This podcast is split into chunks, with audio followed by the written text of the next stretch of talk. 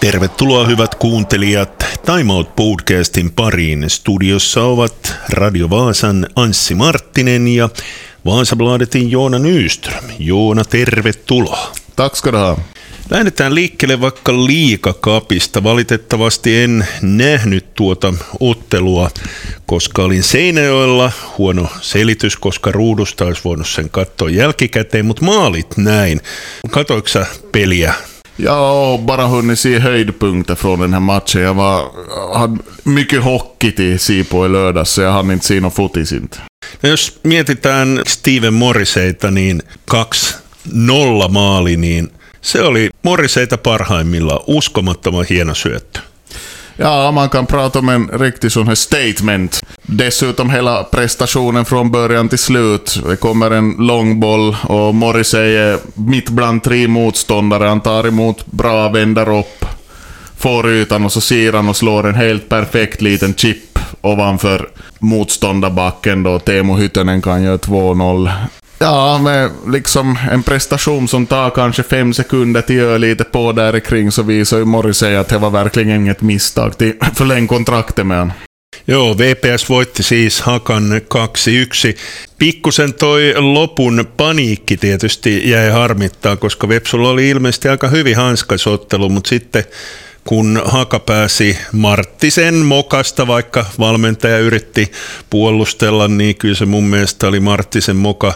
Maalivahti pukkas suoraan pelaajalle ja sitten chippi ja siellä oli Marttisen yli maali. No, näitä sattuu tämmöisiä paniikkeja sitten lopussa, kun toinen painaa päälle. Ja, man skulle kunna spekulera och fundera att kanske skulle ha varit läge till nickande bollen ut över linjen istället och ta, ge ett inkast och så skulle inte ha blivit ett sånt där läge. Och, och sen kan man nog fråga sig att hur var kommunikationen med backlinjen där? Att, att var, var klart från början vem som skulle möta och ta den bollen och så det. Men att, visst, eh, lite stökigt på slutet, men nu är ändå huvudsaken det 2-1 slutar att det blir en seger direkt i början av säsongen. Och, och säkert, säkert känns det bra någonstans också här att, att det var Haka som kom emot här direkt och att det var Haka som fick stryk efter det här Europa-kvalfinalen som avslutade förra säsongen. Käydään vähän pelaajia läpi. Savio Roberto, upea puskumaali toi eka maali, eli pikkusen pisti miettiä, että hei, hienoa, löytyykö meille kunnon kiskitysten päättäjä Savio Robertosta? No är väl just ett tecken på att han har den här fysiska styrkan som vi pratade om redan förra veckan. Och en bit kvar till jobb upp till toppformen för honom och vi är i ett tidigt skede av säsongen och han anslöt till laget först förra veckan.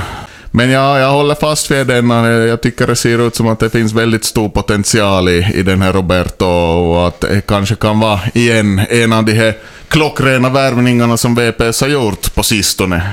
Jos mietitään testipelaajia, niin alkaako Baba Mensahin aika olemaan ainakin Vepsussa ohi, aiheutti rankuja ja muutenkin ollut pikkusen epävarmaa tuo työskentely.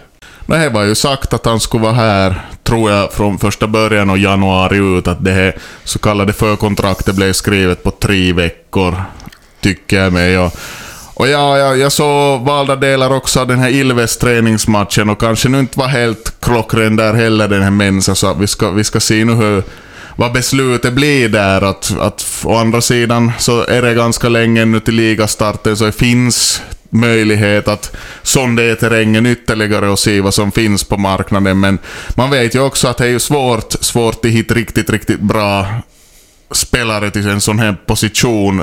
Också i det här skedet, för att de där allra bästa så har nog skrivit sina kontrakt för, för länge sedan. Sitten oli myöskin uusi testipelaaja. Tietysti noista lyhyistä pätkistä ei pystynyt päättelemään yhtään mitään. Enää en edes muista, minkä niminen tämä oli tämä kaveri. Tuliko hän Senegalista vai? Ja, det var en senegales, Pape Ibrahim Diouri. Ungefär så heter han. En Dior. Ja, no, man har sett lite att, att han är kvick och samma sak såg jag på, det jag var så på träning förra veckan, att väldigt kvick i fötterna, en ganska bra touch. Sen kanske man får fråga sig då att räcker fysiken till för en wingbacks roll? Det är klart, snabbheten är ju viktig där och, och just att du klarar av kan, till utman, ha bra bolltouch, men eh, jag tänker främst på den att man ska ju jobba hemåt också som wingback och där finns det väl en del till fundera på. Teemu Hytönen tehnyt pari maalia, Voisiko hän olla semmoinen yllättäjä tulevan kauden joukkueessa? Ja, varför inte? Han gjorde ju väldigt bra på, på sin nivå då förra säsongen då han spelade med akademilaget och gjorde mycket mål där och visade att han är, han är en ganska klinisk avslutare och, och samma sak såg vi ju nu att det kom ett bra läge och dit med bollen bara. Uh, finns bra egenskaper i, i Hyttönen. Han är ganska ramstark. Han har ganska bra timing i hur han löper uppåt. Så att uh, absolut, är, är en ung spelare som kommer att gå framåt ännu. Nyt sitten seuraavassa pelissä otetaan sitten oikein kunnolla mittaa SIK ja vierasottelu. Ja, jag pratar just här att, att det är det traditionella, man ska till Seinejoki en gång per vinter och nu bär det av igen då till, till, till det här Vallsport Arena. Och det brukar ju inte gå så bra där för VPS, men att uh, kanske går bättre den här gången. Man tycker ju att med tanke på hur bra stommen finns kvar så skulle det finnas förutsättningar att kanske kunna ta en sällsynt seger mot SJK. Puhutaan sitten jääkiekosta. Sportin viime viikko alkoi erinomaisesti. Pelikans, jota me ajattelimme, että no Pelikans on se vaikein joukkue, niin se kaadettiin, mutta sitten kirvelevät tappiot sekä Jypille että HFKlle. Me ollaan monta kertaa tässä jo pohdittu, että oliko se tässä, mutta ei luovuteta vielä. ja, no Pelikans hade ju då dagen innan fått stryk med 5-0 hemma mot Tappara och så rest till Vasa och och det kanske syntes nog lite att det var ett ganska sargat lag som kom till spel och, och, och förstås bra sport att utnyttja möjligheten att ta tre poäng men Sen vad tusan som riktigt hände i Jyväskylä begriper jag ju inte. Att, att okej, okay, Jyväskylä spelar, eller Djup spelar ganska tätt och bra, men sport liksom... All den här gnistan och glöden i anfallsspelet försvann mitt i allt och powerplay-spelet så är som bortblåst och lite samma sak fortsatte ju hemma mot HFK då. Lite bättre spelar ju sport nu och höll lite tätare men att det spelet framåt så vill jag ju se inte. Powerplay vill jag se inte. Och Nollan sprack ju först i spel 5 mot 3 i slutet då sedan. Som sagt, det är 6 poäng upp. HPK har två matcher med spel, så ingenting är ju förlorat än. Och det blir ju en jätte, jättematch nu. Onsdag kväll hemma mot Saipa. Saipa har givit upp. De har slussat bort sina bästa spelare. Det börjar vara ett halvdussin spelare som har farit därifrån. Att vinner inte sport och tar de här tre poängen då, så då kan man ju börja nog tycka att den här, den här säsongen börjar vara där. Joo, ja sitten perjantaina on vaikea vierasottelu. Tosin Sport on yllättäen pelannut Tapparaa vasta aika hyvinkin Tampereella. Ja, sport brukar vara bra i Tammerfors, speciellt i nya Tammerforshallen. Det blev ju poäng mot Ilves sist då, men bara en sådan. Men först ska vi nog klara av det här Saipa-matchen. Men som sagt, blir det inte tre poäng där så då tycker jag nog att man får börja, man får börja fundera på nästa år redan. Är på något vis så symbolisk för den här säsongen att nu det kommer en riktig sån här måste-match. För Sport har ju haft svårt mot de här lagen kring strecket. Man ser det KK, man ser det djup. Det har inte riktigt funkat, men man måste ju bara vinna. Så Först tar vi han och sen, sen får vi se om jag spelar någon roll hur det går i Tammerfors. Mm, toivotaan, että toi keskiviikko klaarataan ja jopa perjantai, koska tässä on vielä kuitenkin runkosarjaakin jäljellä reilu kuukausi, eikö se ole maaliskuun alkupuolella vai oliko jopa puoleen väliin asti, niin olisi se ihan kauheata, jos kuukausi pelattaisi vaan näitä hälläväliä pelejä. No så har ju varit förr här och vi vet ju hur det känns det är klart att vi vill undvika så. Och som sagt är det poängavstånd, det är fortfarande så pass tajt där så med tanke på hur mycket matcher är kvar så kanske är lite till raljero till sig att den här onsdagens match är direkt avgörande för er han ju inte egentligen men vi ska se, spänningen kommer till lev och, och, vi har haft ändå en ganska bra start på året för Spors del. Man vann fyra hemmamatcher i rad, det har varit bra tryck i hallen och, och så det vidare så att men efter lördagens match här så tyckte jag mig nog höra från Sundom stå någon sorts sång om att en, en viss Risto borde tack för sig nu. Så att sna, snabbt vänder opinionen och Time Out Podcast käynnissä studiossa Radio Vaasan Anssi Marttinen ja Vaasabladetin Joona Nyström. Sitten hieman jalkapalloasiaa. Pieni paukku tuli jälleen naisjalkapallon puolelta, kun VPS kokosi periaatteessa alueen naisjalkapalloseurat VFKta lukuun ottamatta oman sateenvarjonsa alle. Tuliko tämä yllätyksenä? Nää. Okei, sulla oli jotain taustatietoja siis tästä, mutta kyllä tämä aika mielenkiintoiseksi vetää tämän tilanteen. Eli nyt VPS tuntuu todenteolla pyrkivän naisjalkapallossa Framille. Ja, och, och så handlar det också om att de andra föreningarna som är med där tar ett, tar ett steg framåt och vill på riktigt se en utveckling här. Och, och jag minns i fjol då, då, jag blev, då det blev mycket snack om det händer att, att Vasa IFK ska samarbeta, då jag blev ju SJK Akademia till slut då, så det och, så skrev jag att, att Vasa IFK började måla in sig i ett hörn då de började blicka utåt från stan på det här viset. Och, och sen kom det här med hela med Vasa Football Academy då, då skulle VFK inte vara där heller. Och, och nu ser det ut så här mitt i allt så att nu, nu står de där i det hörnet och har kanske ett ganska jobbigt läge. Vi, vi får ju se nu. Det, de har ju förstås sin egna återväxt och, och, och, och de har ju sina lag då de har herrlaget i division 2 som räknas till förhandsfavoriterna i serien och de har damerna som ska gå in i en ny division 1-säsong med Tommy Kärkkäinen, rutinerad tränare, så att uh, det betyder ju någonting kommer till krasch krasch och brinn direkt inte, men på sikt blir det väldigt intressant nu. Man tänker till exempel att IFK i farten med att bygga sin egna kamratvallen, sin egna plan där, men samtidigt så är de inte med och samarbetar med någon alls något mer. Eh, känns som att man är ute på ganska tunn is. Niin, kävikö Vaasa IFKlle vähän samalla lailla kuin Sportille, että tuudittauduttiin siihen, että kyllä nämä seurat haluavat tehdä meidän kanssa yhteistyötä ja sitten he menivätkin Vepsuun nämä futisseurat.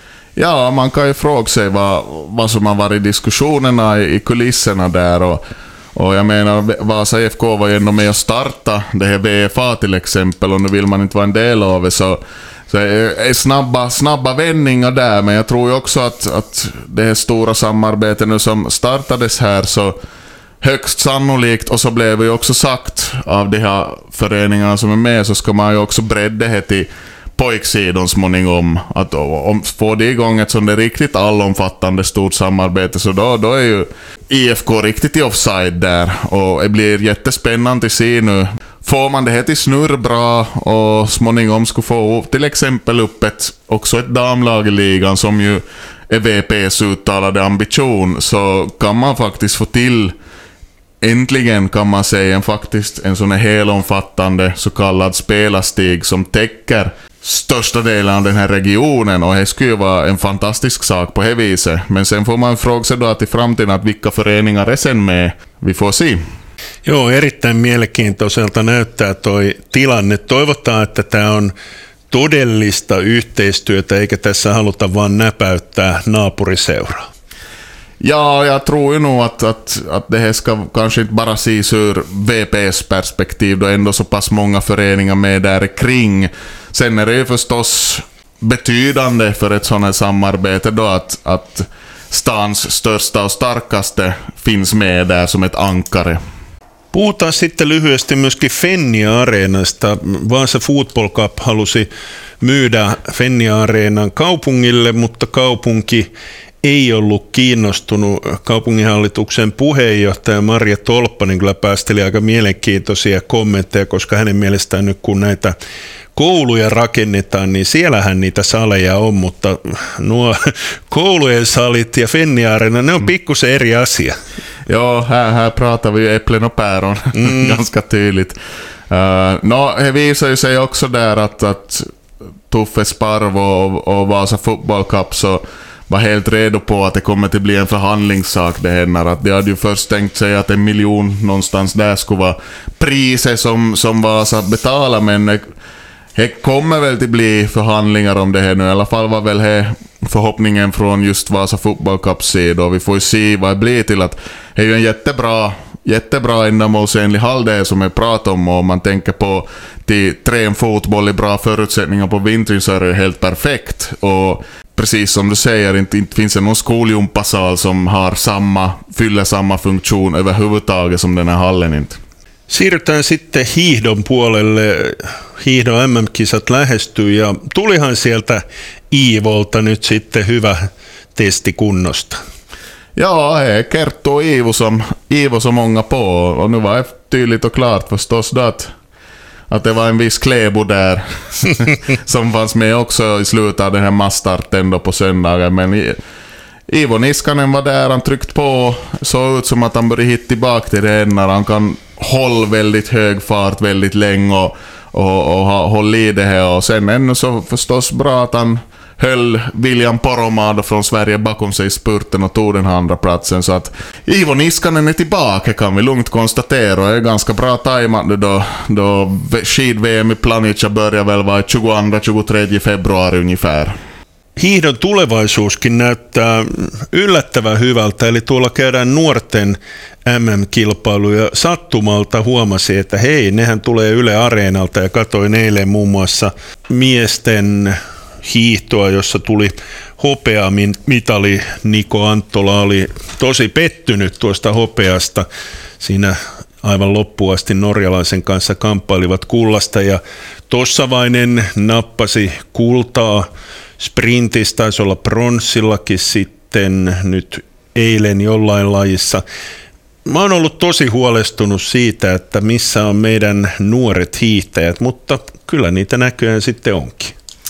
Ja, och just som man tänker på de här åkarna som har varit aktuella här, så Johnny Mäki och Alexander Ståhlberg till exempel, så har ju också gjort ringa på vattnet i juniormästerskapssammanhang. Och, och nu var ju Ståhlberg och deltog i finlandssvenska förbundsmästerskapen och gjorde ett bra lopp, så han verkar också vara på väg till hit tillbaka till formen sin, så det känns som att det blev ett jättebra junior-VM och före hade vi också det här, vad det nu heter, ungdomsolympiaden och där var ju Finland och höll sig framme bra också på, på skidgrenarna så så, och nu, nu ser det ju ljust ut inför VM dessutom, så kanske det blir en riktigt stark avslutning på skidsäsongen efter diverse coronafunderingar och sånt vad vi nu har haft.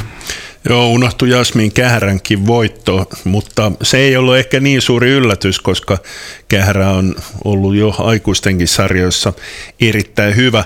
Pakko tähän loppuun puhua myöskin yleisurheilusta, vaikka tammikuuta mennään, koska tosi paljon oli hyviä tuloksia. Viivi Lehikoinen taisi juosta, oliko 300 metrin ennätyksen. Arttu Korkealaakso, vihdoinkin joku miesten kuulan työntäjä, joka työnsi yli 19 metriä.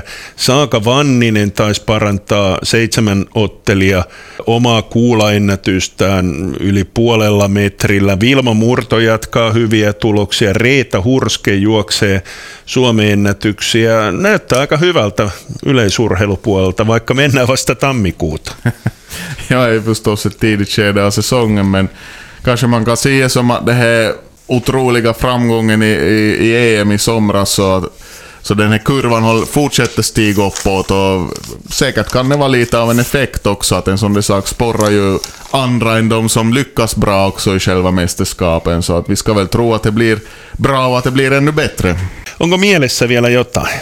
Nej, no, vi kan väl göra reklam för att de, de ska ha veteran-FM i, Joo, friidrott i Botniahallen i helgen. Joo, harmi, että meikäläisellä on muuta menoja, olisi ollut kiva mennä kattoon. Onko tietoa, onko tulossa niin sanottuja vanhoja tähtiä sinne? No, no skulle jag väl tro och, och jag tror ju att det finns, det finns ju ganska, eller tror jag vet ju att det finns ganska många aktiva som tävlar i de här sammanhangen här från trakten så att det kan bli ett ganska starkt så att säga hemmamästerskap. Så vi får se, vi ska väl försöka få till så att vi har bevakning på plats också. Tässä oli tämänkertainen Time Out Podcast ja toivotaan, että ensi viikolla jutellaan edelleen siitä, että sportilla on mahdollisuuksia sääliplayereihin. Joona Nyström, kiitoksia tästä hetkestä. Tack, tack.